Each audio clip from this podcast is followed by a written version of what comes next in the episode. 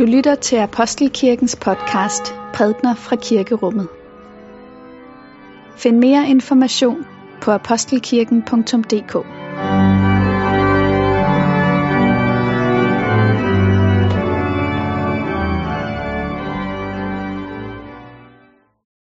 God morgen og velkommen til gudstjeneste med Apostelkirkens menighed her i Elias Kirke. Det er 10. søndag efter Trinitatis, og vi skal høre en tekst, hvor øh, Jesus kigger ind over Jerusalem, og han græder og siger, at de ikke kender det, der tjener til deres fred. Så vi skal være samlet under overskriften, hvad der tjener til din fred. Overvej, hvad det er, der tjener til vores fred. Dette hellige evangelium skriver evangelisten Lukas. Lad os takke for Guds ord, for Guds ord i skriften, for Guds ord i blandt os, for Guds ord inden i os. Tak for det. Da Jesus kom nærmere og så Jerusalem, græd han over den og sagde, Vidste blot også du på denne dag, hvad der tjener til din fred. Men nu er det skjult for dine øjne.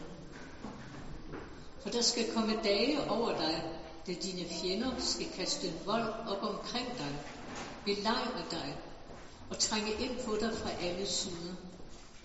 De skal jævne dig med jorden og dine børn sammen med dig, og de skal ikke lade sten på sten tilbage i dig, fordi du ikke kendte din besøgelsestid.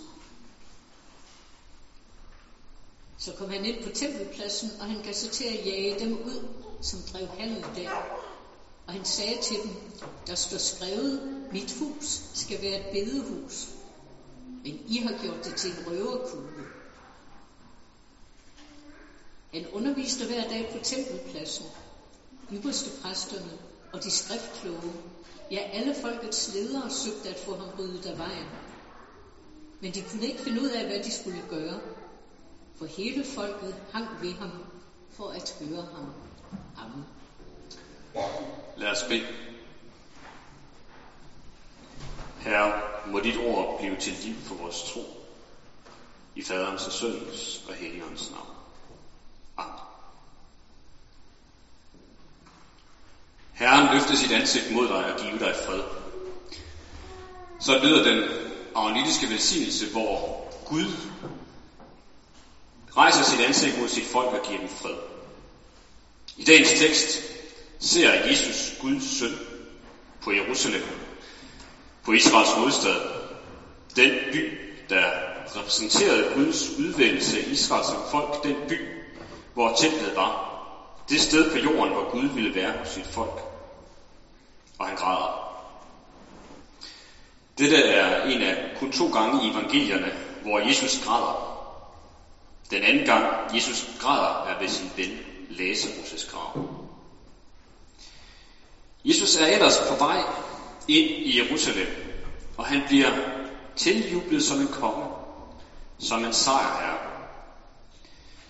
Men det er ikke glædestårer, Jesus græder her, sådan som vi har set adskillige atleter gøre det under OL. Jesus ved nemlig, hvad der skal ske med ham i Jerusalem. Han ved, at han i løbet af den uge, der er foran ham, vil blive dræbt i Jerusalem af romerne på foranledning af Israels ledere.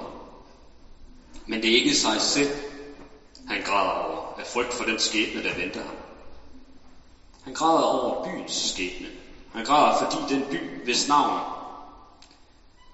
angiveligt kan betyde visionen for fred, er blevet blind for, hvad der kan bringe den fred. For de begivenheder, Jesus beskriver malende omkring, hvad der skal ske med byen, at den skal blive ødelagt, de kom til at ske i år 70. Jøderne blev trætte af romernes hårde øh, regime, gjorde oprør, og i begyndelsen havde de fremgang med det. Det lykkedes dem at drive romerne lidt væk, men så satte romerne store styrker ind, ind og landet blev indtaget. Jerusalem blev omringet og indtaget, og templet blev brændt ned. 100.000 vis blev dræbt, og mange andre blev solgt som slaver. Når Jesus græder, kan man spørge, hvad han græder for. Når han nu er Guds søn. Når han er, Guds, når han, når han er gudmennesket kommet i kød og har alt magt, kunne den her katastrofe så ikke være undgået? Kunne ikke bare sørge for, at det vil gå dem godt? Hvis, det kunne han jo, hvis alt i verden afhang af magt. Ja, så kunne Jesus jo løse alle problemer. Og jeg tror, at længslen efter troen på magt ligger dybt i os mennesker. Men ikke alt i verden afhænger af magt.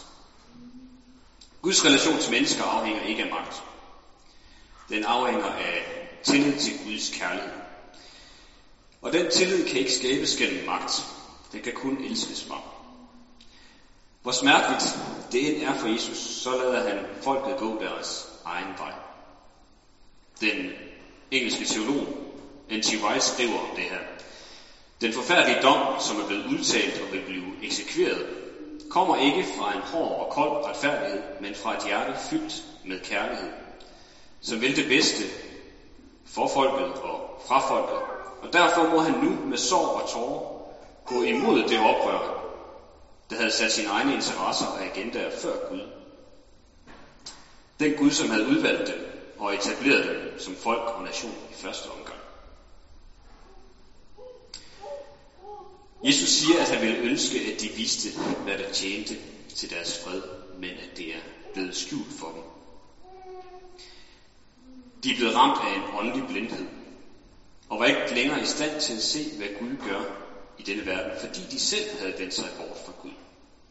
Et andet sted i Lukas evangeliet siger Jesus om Jerusalem.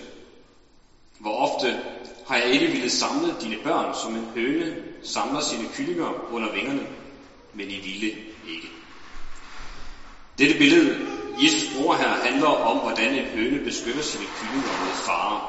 Det kan være et tilfælde, tilfælde af en brand på gården, hvor høns, hvis de ikke er stand til at stikke væk øh, fra branden, beskytter kyllingerne under deres vinger. Hønen dør i branden, men kyllingerne bliver reddet.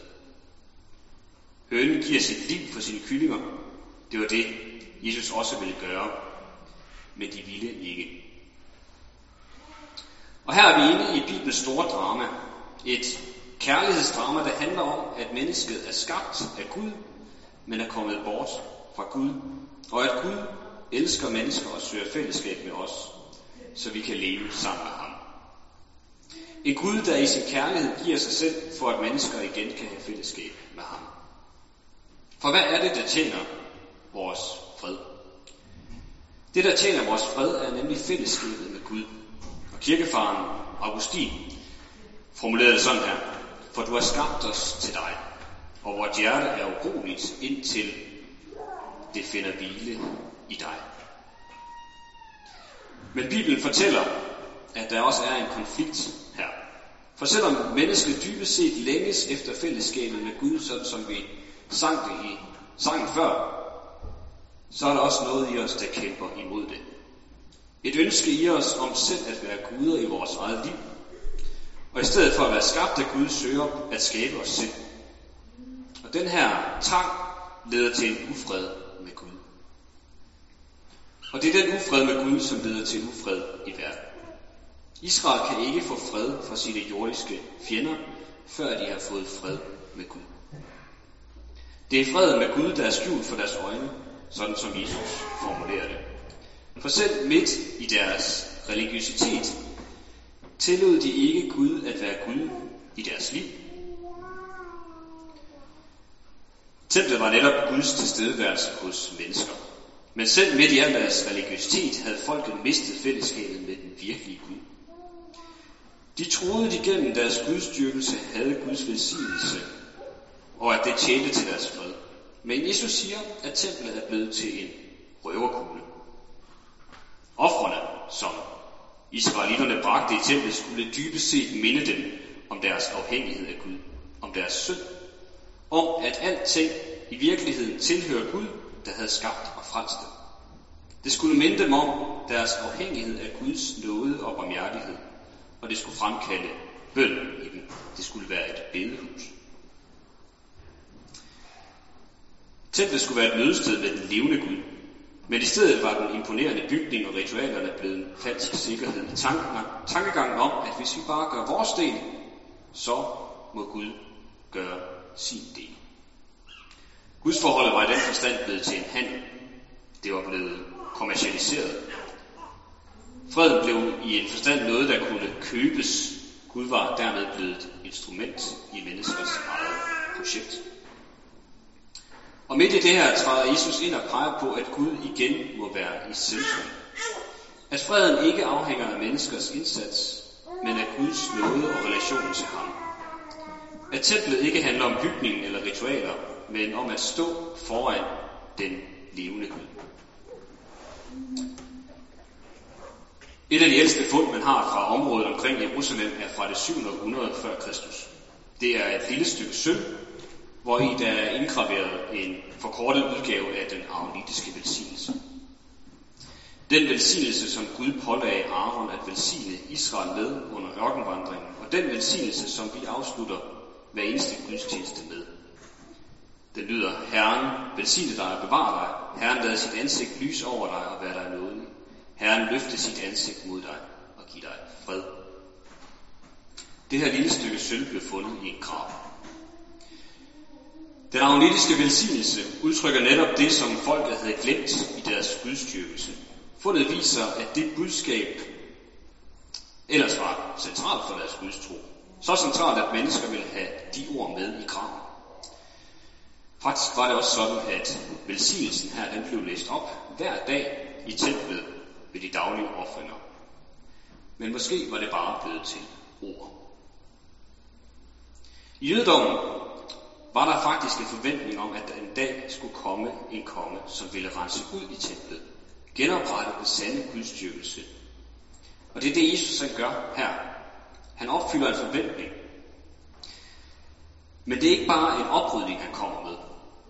Med sin fremfærd og sine ord om templets fremtidige ødelæggelse peger Jesus på, at det her ikke bare handlede om at rydde op. Nej, selve templet var under Guds dom. Og i stedet for templet her, skulle mødestedet mellem Gud og mennesker være et andet sted, nemlig i Kristus selv. Derfor bliver Kristus i templet centralt, og folk hænger ved ham der. Men han pegede på et andet sted, hvor mødestedet mellem Gud og mennesker skulle ske. Han gik i døden for at bringe det endelige offer for menneskers oprør mod Gud, og derved bragte han forsoning. Så når vi altså hører ordene fra velsignelsen sagt her i kirken til os, så må vi se Kristi ansigt foran os. I troen på Kristus skal vi få lov til at leve for Guds nådige ansigt. Det ansigt, der tilsiger os fred. Det er det ansigt, der møder os, når vi ser op mod Jesus på korset. Det er et sorgens blik, der er kærlighed græd for Jerusalem, og også græd for os, når vi er blinde for det, som tjener vores fred, og i stedet styre mod vores undergang. Men det er et fred, det er også et blik, som ønsker at række os fred. Og den her fred, det er ikke en fred, som vi kan finde ved at blive stille, ved at finde den indre ro, ved at lukke verden ud. Velsignelsen med Kristi fred er ikke noget, vi kan sige os selv. Det er noget, der bliver sagt til os udefra. Og vi bliver mødt med Guds nåde og fred, og der må vi lægge vores eget til side og bare modtage. Mange kirkegængere, jeg har talt med, har givet udtryk for, hvor meget velsignelsen i gudstjenesten betyder for dem. Den har også betydet meget for mig. Hvordan det øjeblik bringer en følelse af tryghed og fysisk mærkbar fred, som vi får lov til at modtage uforskyldt. I en undersøgelse lavet af Københavns Universitet gav en række kirkegængere udtryk for det samme. Og en af de adspurgte siger sådan, det er ligesom jeg føler mig et med Gud. Han bekræfter, at han er hos mig. Han hjælper mig med at komme videre og, giver, og give hans kærlighed videre. Og så dernæst beskriver hun, hvordan hun åbner sine hænder for at tage imod og siger, når jeg kommer mine tom, med mine tomme hænder, så er der virkelig plads til, at Gud er der. I velsignelsen bliver vi mødt af Kristi nådige blik fra ham, som gik i døden for at fjerne det fjendskab, der skiller os fra Gud. Han, som gik i døden for at stifte fred mellem Gud og mennesker. Vi bliver mødt af Guds anerkendte blik, der fortæller os, at vi er elskede og ønskede, uanset hvordan vi præsterer og ikke præsterer. Og med det blik kan vi gå ud i verden med fred. Er at være faderen og sønnen og helligånden, som det var i begyndelsen, således også nu og altid og i al evighed. Lad os bede. Du som fred mig forkynder, du en frelser, jeg en sønder. Du med armen, jeg med bøn. Du med nåden, jeg med skam. Ak, hvor vi to passer sammen. Du Guds salvede Guds søn. Amen.